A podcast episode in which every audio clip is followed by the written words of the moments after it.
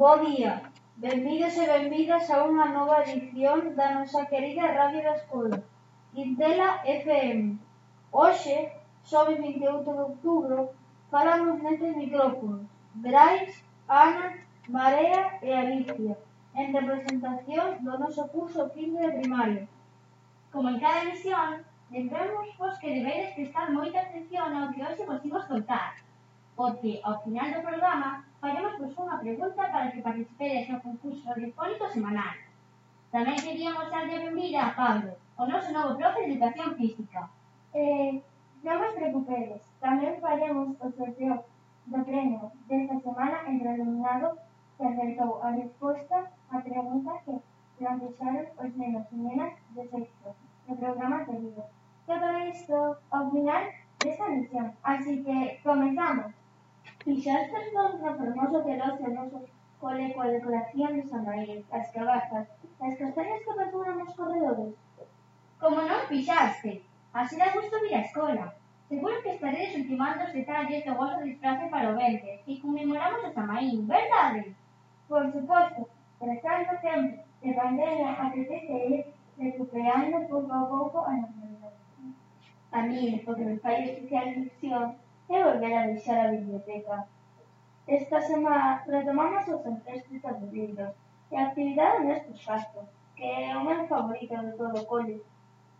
O pasado domingo, 24 de outubro, celebrouse o Día das Bibliotecas. Este ano baixo o lema Bibliotecas Ler, Aprender e Descubrir. Así que animadevos a ler, aprender a descubrir na Biblioteca de Quintela, que este curso está ambientado coa temática do proxecto Anito. Cal sobre o Camiño de Santiago. Por certo, falando do Camiño de Santiago, sabedes, o alumnado de quinto de primaria estamos a investigar sobre as curiosidades que encerra a ruta de peregrinaxe máis famosa do mundo. Pois, sí, de feito, estamos descubrindo que son moitas de razóns que levan a xente a entender rumo a Compostela. En otras religiones menores, María aceptó cada quien tiene su razón particular para amar la diversa aventura, que, por los niños, a veces resultaron muy enriquecedora, inversiente, atacar el lado espiritual, descubrir paisajes, nuevos lugares, o contacto con la naturaleza, desintoxicarse de la tecnología, aprender a vivir con mínimo y valorar pequeñas cosas. Pues pois bem, Hoxe queremos compartir con vos unha fermosa historia que coñecemos a través dos medios de comunicación e que nos emocionou moito. Sí, tiñamos vaguas nos ollos e todo. A protagonista desta historia real é unha muller asturiana de 45 anos de idade, chamada Amaya Ferrer, que sufriu recentemente a perda da súa cadeira e fiel compañeira Kira, unha pastora alemán coa que levaba vivindo 15 anos o animal, levou moito tempo con grandes problemas de saúde. Tumores, artrite, Alzheimer, e pasaron metade da súa vida cega. Pero todo iso non impediu que, para Maya, Kila fose a súa guía, compañeira e gran amiga. En definitiva, un membro máis da familia. Para esa asturiana, a perda da súa cadera foi moi dura porque tiña un vínculo moi forte, e para axudar a superar a fonda do que sentiu, decidiu facer o camiño de Santiago. A malla comezou o percorrido na Andorra, introducirse no Camiño Norte en Viú e despois empezou co Camiño Primitivo na Andés. E sabedes unha cousa? As costas, na súa mochila, levou consigo en todo momento a correa, o polar e o máis importante, as tendas do súa amiguinho, Kila.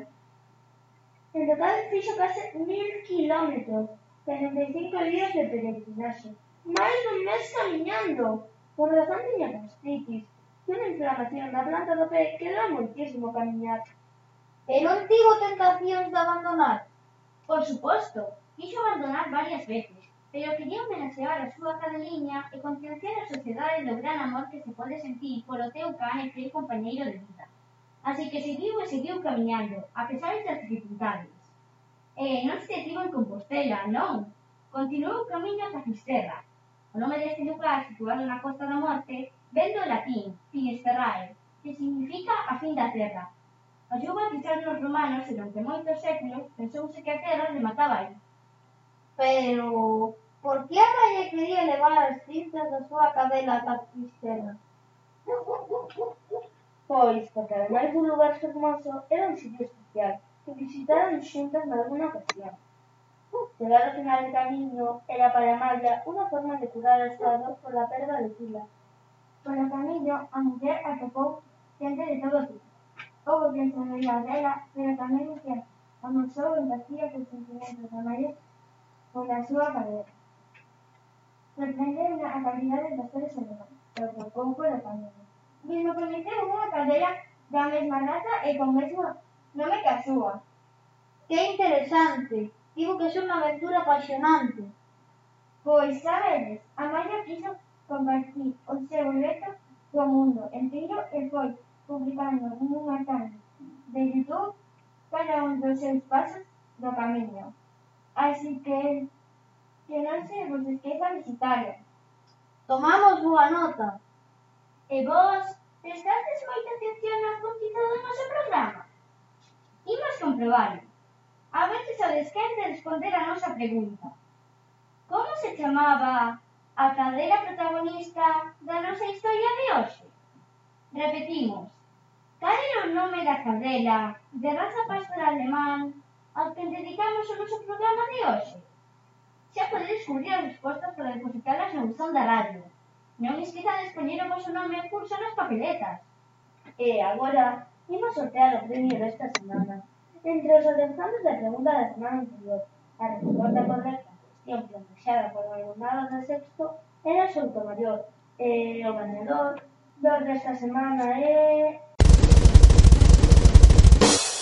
Martín Alves Farín, de quinto curso.